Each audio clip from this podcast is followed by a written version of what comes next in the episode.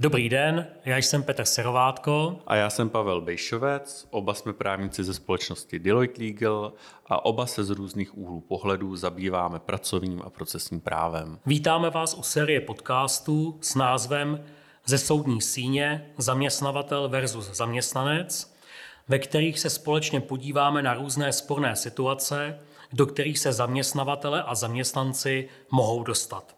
Přejeme pěkný poslech a těšíme se na vaše komentáře nebo otázky na našich sociálních sítích.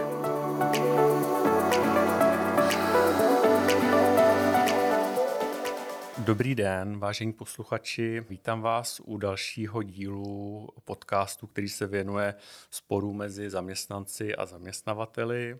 Mé jméno je Pavel Bejšovec, jsem advokát z advokátní kanceláře Deloitte Legal a budu vás provázet spolu s kolegou Petrem Cirovátkem dnešním podcastem. Dobrý den, ahoj Pavle. V minulém díle jsme se bavili o tom, co je nejčastější příčinou sporu mezi zaměstnancem a zaměstnavatelem. Dnes už se přesuneme do soudní síně.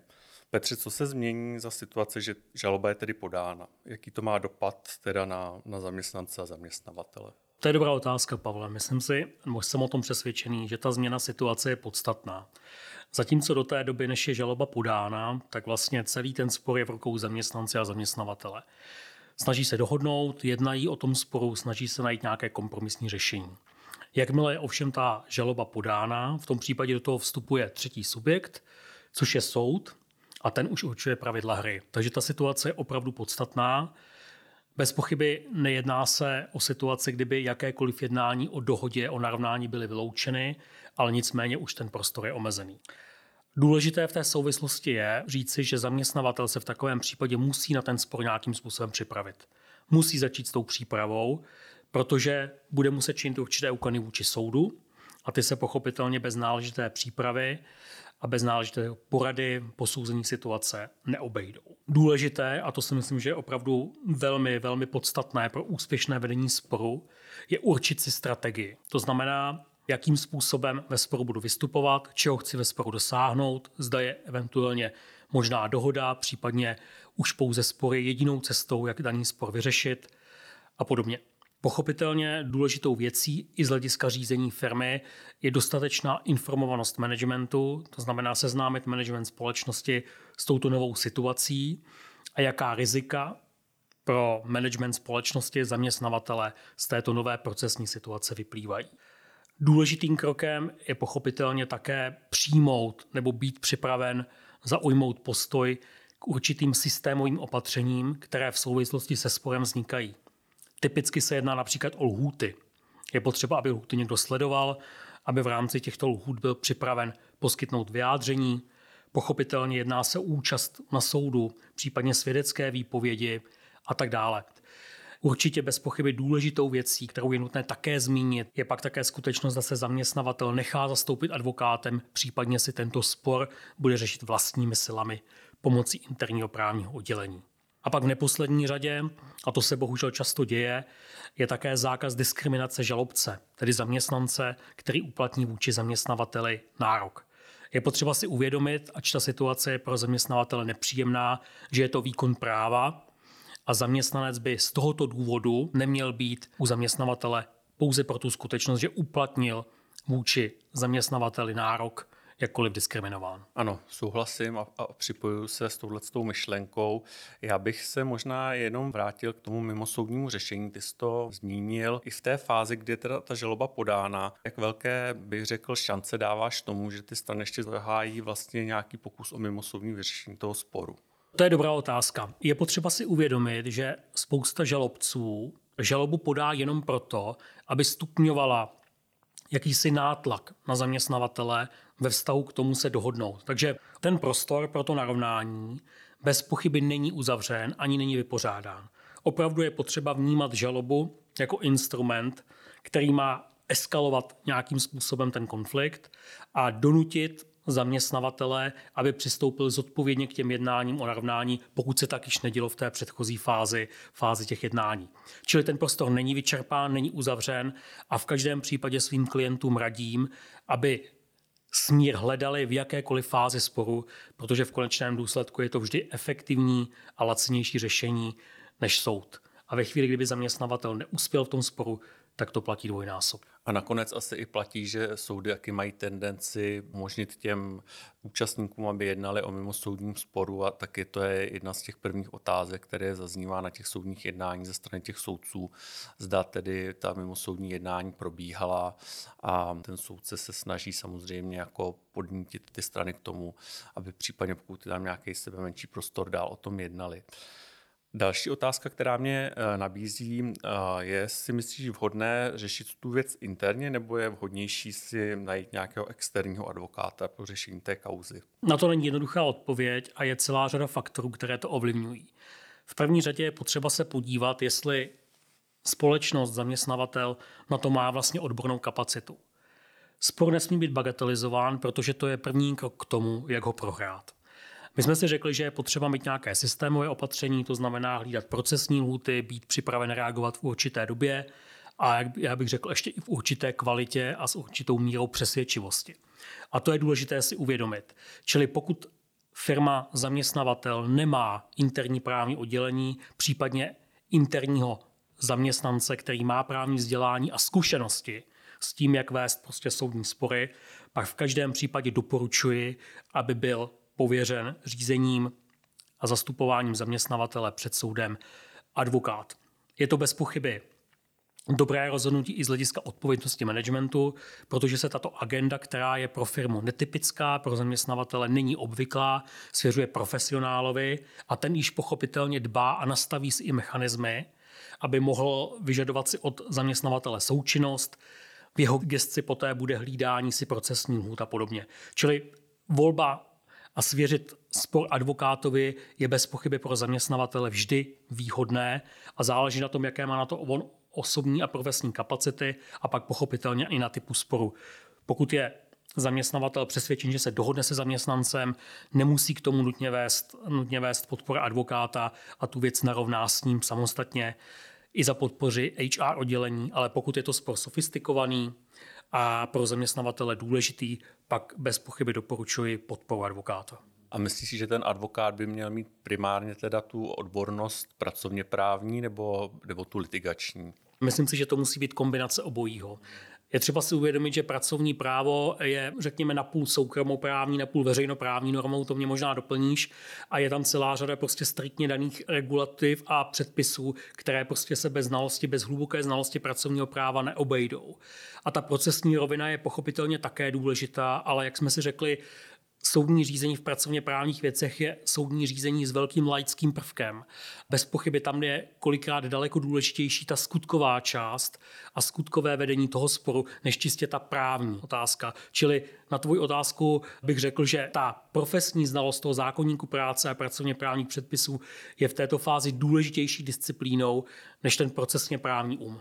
Když si teda představíme tu situaci, že eh, zaměstnavatel se rozhodne svěřit tu kauzu advokátovi, tak já často slýchávám ze strany klientů, zda eh, mají tedy možnost se účastnit toho sporu, protože to samozřejmě mm, zajímá, jsou na tom zainteresováni.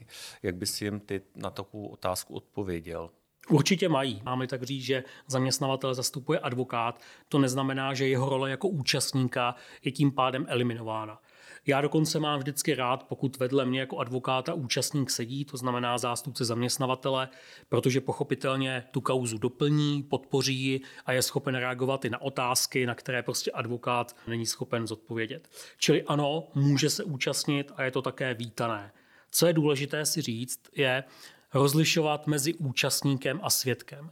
To často klienti, zaměstnavatelé nečiní a je to důležité si říct, protože z hlediska procesního práva je pochopitelně účastnická výpověď jinou kategorií důkazu, než je svědecká výpověď. A to je také důležité si uvědomit v té fázi, pokud hledáte nějakou odpovědnou osobu, která vás u toho soudu podpoří a bude vystupovat na straně účastníka, což zpravidla bývá jednatel společnosti, a zároveň si uvědomit, kdo ještě ze strany zaměstnavatele bude v té kauze vystupovat jako svědek, protože to už je jiná role a svědek má být samozřejmě z principu nezávislý, kdežto účastník řízení podporuje advokáta a zastupuje, zastupuje zaměstnavatele před soudem. Takže je to jiná rozdílná role, rozdílná role kterou, kterou uh, zastává. Pak je také důležité si uvědomit, že a řekli jsme to opakovaně, že pracovně právních věcech rozhoduje Senát se silným laickým prvkem. A z tohoto důvodu vždycky, pokud účastník doplní ten příběh advokáta, tak je to pro mě jako pro procesního právníka velmi vítané a posílí to naši argumentaci. V neposlední řadě je potřeba si uvědomit, že kauza může být také dlouhá a těch jednání může být celá řada. Takže pokud máte účastníka řízení, který vás je připraven podpořit na každém z takových jednání, tak je to bez pochyby pak důležité z hlediska kontinuity celého řízení i reportingu pak například vůči managementu, zahraniční materské společnosti a podobně. Takže ano, může se účastnit a je to vítaná, vítaná podpora advokáta. Mně se nejednou stalo, že mělo zájem účastnit se toho jednání nějaký větší okruh lidí, třeba to byli lidé z HR oddělení a podobně tak my jsme si řekli, že jedna osoba vedle tebe z pravidla sedí jako někdo, kdo je zmocněn zastupovat toho zaměstnavatele. Jak je to teda s tím okruhem dalších osob? Ty mají možnost teda být účastní té soudní síni? Ano, mají, ale pochopitelně na straně účastníka vystupovat nemohou a vystupují nebo, nebo respektive nevystupují pasivně se účastní soudního jednání jako veřejnost. Je to důležité například pro nastavení určitých preventivních opatření, do organizace zaměstnavatele, neboť pochopitelně ten spor přináší celou řadu, celou řadu otázek, které pak v podstatě i tito lidé musí ve své profesi u zaměstnavatele řešit a pokud mají možnost tyto věci a argumenty poslouchat u soudu, je to pro ně pochopitelně dobré. Takže ano, mohou se účastnit, ale zpravidla je to v roli veřejnosti. A pak je potřeba si také uvědomit, aby tento zástupce veřejnosti zároveň nebyl volán advokátem zaměstnavatele jako svědek protože v tom případě by pochopitelně jeho účast ve veřejnosti mohla ohrozit objektivitu a nestranost jeho svědecké výpovědi. Takže na to je potřeba pamatovat a od začátku si jasně stanovit, kdo bude účastníkem, kdo bude svědkem a které osoby se budou účastnit na straně veřejnosti.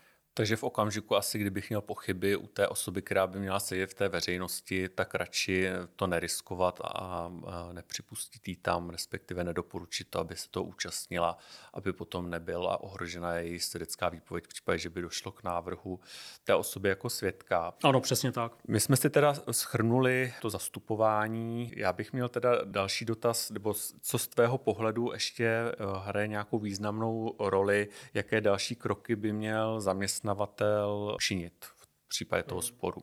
Já ponechám stranou tu právní problematiku, protože jsme si řekli, že bude mít advokáta, případně pověřeného zaměstnance, který je profesionálem v daném oboru a bez pochyby tuto tu agendu zvládne po právní stránce. Ale co cítím jako kolikrát velkou svízel v těch procesních věcech, které zastupuji, je v podstatě mít nějakou kontaktní osobu, se kterou tu danou věc můžu kdykoliv řešit a tam mě poskytne ze strany zaměstnavatele 100% podporu. Čili určení nějakého pověřeného zaměstnance nebo nějaké osoby u zaměstnavatele, který bude podporovat to externího advokáta, je naprosto klíčová pro úspěch v té věci. Z pravidla to bývá například někdo zástupce právního oddělení, pokud firma nebo zaměstnavatel takové právní oddělení má, případně prostě jiný projektový manažer, ale zkrátka někdo to má na starosti a někdo toho advokáta v této věci podporuje. A to je nesmírně důležité tuto osobu mít a s důvěrou se na ně obracet. Druhá věc, pochopitelně, pak, která souvisí i s tím zastoupením, je nezbytnost vystavit plné moci, to znamená pověření vůči advokátovi k zastupování toho sporu. A pokud se firma rozhodne nejít cestou advokátního zastoupení, nepověřit advokáta, pak je potřeba vystavit takzvané pověření zaměstnanci společnosti, který vlastně zastupuje tu společnost, žalovanou společnost zaměstnavatele před soudem. Ta podpora při tom sporu ze strany uh, té pověřené osoby je nesmírně důležitá, protože pochopitelně advokát nezná vnitřní organizaci té společnosti, nemá veškeré informace, které jsou nezbytné pro vedení toho sporu a tuto součinnost potřebuje k tomu, aby si obstaral důkazy, aby získal informace o tom, jak věci u zaměstnavatele chodí, jaké, jak byly nastaveny například určité skutečnosti, které jsou tvrzeny v žalobě a podobně.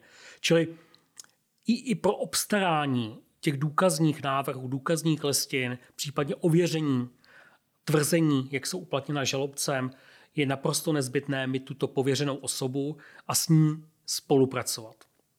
A jak jsme si už pak řekli, tato osoba by pak měla být také připravena poskytnout nebo identifikovat osoby, které v podstatě poskytnou svědecké výpovědi, případně jinak ten nárok, respektive zamítnutí té žaloby, pokud, pokud je zaměstnavatel žalován, podpoří. Takže určitě i návrhy svědků, kteří by v podstatě byli připraveni podpořit zaměstnavatele v tomto řízení, je role, kterou od této pověřené osoby já jako advokát očekávám.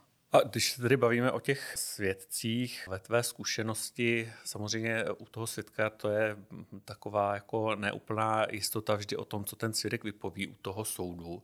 Je možno se s tím svědkem před tím jednáním setkat, protože to samozřejmě jako je ožahavé téma a jak by taková případná diskuze s tím svědkem mohla probíhat, aby nedocházelo k nějaké ohrožení věrohodnosti toho svědka. Pochopitelně, to je citlivá otázka a od svědka se očekává, že bude objekt objektivní, nezávislý na stranách, že bude nestraný, což je samozřejmě definiční znak eh, svědka a on také samozřejmě vůči soudu toto prohlašuje. Nicméně jako procesní právník bych si nikdy neměl připustit tu situaci, že navrhnu svědka, o kterém nevím, co bude vypovídat. Zpravidla tedy nějaký kontakt mezi svědkem a advokátem, případně zaměstnavatelem je před tím řízením, ale měl by probíhat čistě bez jakého vlivu na to, co ten svědek bude vypovídat, bez jakékoliv formy ovlivňování. Měl by být v podstatě o ověření toho, že zda svědek je připraven přijít k soudu a je připraven vypovídat o té věci, případně ověřit nějakým způsobem skutečnosti, o kterých svědek bude vypovídat, ale nijak neintervenovat v to, jakou formou a jakým způsobem bude o věci před soudem referovat. Je to otázka klíčová, ale zároveň není jednoduchá. Nicméně pochopitelně, pokud ten svědek k soudu přijde, tak zpravidla o věci je informován a ví, pro jaký důvod je jako svědek volán. Takže asi v těchto konturách bych doporučoval se svědkem o té věci komunikovat a hlídat si zejména to, aby nemohl být naštěn z toho, že byl ovlivňován z hlediska toho, co bude před soudem vypovídat. Na co dalšího se zaměřit? Co ještě ten zaměstnavatel by měl dál zvažovat? Pochopitelně pak záleží na typu zaměstnavatele. To znamená, jestli je to zahraniční společnost, případně jestli spory vede často, případně to pro něho úplně nová skutečnost, která pro něho je spojena s nějakým rizikem. Případně i, a je to také důležitá věc, kolikrát se děje, že samozřejmě management společnosti je obsazen osobami, které nejsou v České republice, neovládají český jazyk, to znamená procesní jazyk soudu a je potřeba například obstarat nějaké prohlášení, nějakou deklaraci těchto osob ve vztahu k tomu, co je předmětem soudu. Takže určitě i tuhle tu skutečnost ověřit, zda tyto osoby by byly připraveny přijet na soud, vypovídat jako účastníci, případně jako svědci, případně nahradit jejich svědecké prohlášení, například nějakým prohlášením, které by ověřili u notáře a zároveň by posloužilo jako důkaz k tvrzení, které jsou ve prospěch zaměstnavatele. Co je důležité, je i také nějaké řízení rizik. Každý spor je krizová situace. Říkám to na rovinu, žádný zaměstnavatel nevyhledává spory a každý spor má reputační riziko, má i materiální riziko a to může být velmi značné. Proto je potřeba na straně zaměstnavatele být objektivní a jako advokát nebo právní zástupce informovat zaměstnavatele o tom, co všecko může tento spor v případě o neúspěchu pro zaměstnavatele znamenat. Komunikaci s externím advokátem jsme si řekli, ta je samozřejmě také důležitá pro to, abychom uspěli. Financování. Já už jsem to zde, ne, zde, zde, zde zmínil okrajově. Samozřejmě soudní řízení je řízení nákladné. Musíte platit odměnu advokáta, případně znalecké posudky. V případě, že spor prohrajete, budete muset platit i odměnu advokáta protistrany. To jsou všechno faktory, které také hrají svoji roli. Narůstají v čase, to znamená, jak dlouho řízení je vedeno, tím déle a tím více musíte v podstatě vynakládat prostředky na obranu svých zájmů. A tuto situaci je potřeba také pravidelně vyhodnocovat, protože je to, řekl bych, jako na bojiště. Ta situace se může měnit každým okamžikem. Může vám například odpadnout důležitý svědek, odejde z firmy, odmítne už prostě svědectví poskytnout. Případně se může stát nějaká jiná situace, na který záleží vyřešení celé té procesní otázky. Je tam celá řada faktorů, které jsou důležité zvažovat a tu situaci hodnotit pravidelně a pravidelně zvažovat, zda je pro vás lepší pokračovat ve sporu, případně směřovat ten spor k nějakému smíru. Takže i tyhle ty věci jsou důležité vždy zvažovat. Tak a když jsme u toho zvažování, tak určitý okamžik v tom vývoji je bod, kdy je vydán rozsudek tak co dál, co, co dělat v okamžiku, kdy je vydán rozsudek, jak by zaměstnavatel měl dál postupovat v tom sporu, co by měl zvažovat? Pochopitelně záleží, jestli je ve prospěch či v neprospěch zaměstnavatele. Pokud je ve prospěch zaměstnavatele, to znamená, že žaloba byla zpravidla zamítnuta, Pak se zřejmě velká akce od zaměstnavatele neočekává a spíše se očekává, respektive je na tahu, zaměstnanec, žalobce, jestli podá nějaký opravný prostředek. Pokud ta situace je opačná a zaměstnavatel ve sporu prohraje, pak je zde velmi důležité hlídat lhůty, protože Samozřejmě řízení před prvním soudem je řízení skutkové a je proti němu možno podat odvolání a to je potřeba podat v zákonné lhůtě. Čili v, tom, v tomto okamžiku je potřeba hlídat lhůtu, domluvit se s advokátem a připravit procesní obranu, pokud se zaměstnavatel rozhodne dále ve sporu pokračovat a domáhat se revize toho rozsudku soudu prvního stupně v odvolacím řízení. Pokud se jedná už o odvolací rozhodnutí, to znamená rozhodnutí je v právní moci, pak zde přichází v úvahu podání nějakého mimořádného opravného prostředku, jako je například dovolání. To už nemá vliv na právní moc rozsudku, podle toho rozsudku už zaměstnavatel musí plnit nebo konat, ale zároveň zde existuje ještě mimořádná možnost, jak toto rozhodnutí zvrátit. Zpravidla se tak děje ve chvíli, pokud ta otázka je například pro zaměstnavatele klíčová, nebo je pro něho důležitá mít v této věci jasno. A bez ohledu na to, jak rozsudek dopadne, jaký je v podstatě jeho verdikt, pak je potřeba podle něho vždycky jednat. To znamená podívat se na to, jak tento rozsudek ovlivňuje řízení, procesy, smluvní dokumentaci ve firmě. Protože zpravidla předmětem každého sporu, který je u soudu, je řešení nějaké otázky, která má dopad na pracovně právní vztahy nejen toho žalobce, toho zaměstnance, který se soudí se zaměstnavatelem, ale i ostatních zaměstnanců ve firmě. A pokud chce zaměstnavatel předcházet potenciálně dalším sporům, tak je potřeba závěry toho řízení, toho rozsudku, ať je jakýkoliv, promítnout do procesu ve firmě. Je to nesmírně důležité a je to základní preventivní krok, aby nedocházelo k dalším sporům budoucnosti. Asi tolik na závěr. Já děkuji za tvá slova, za tvé odpovědi. Náš čas vypršel. My se na vás s kolegou Petrem budeme těšit u dalšího podcastu, který se bude zabývat otázkou, zda se se zaměstnanci soudit nebo uzavřít smír. Já se pro dnešní den s váma loučím a těšíme se příště na shledanou. Děkuji za pozornost, na shledanou. thank you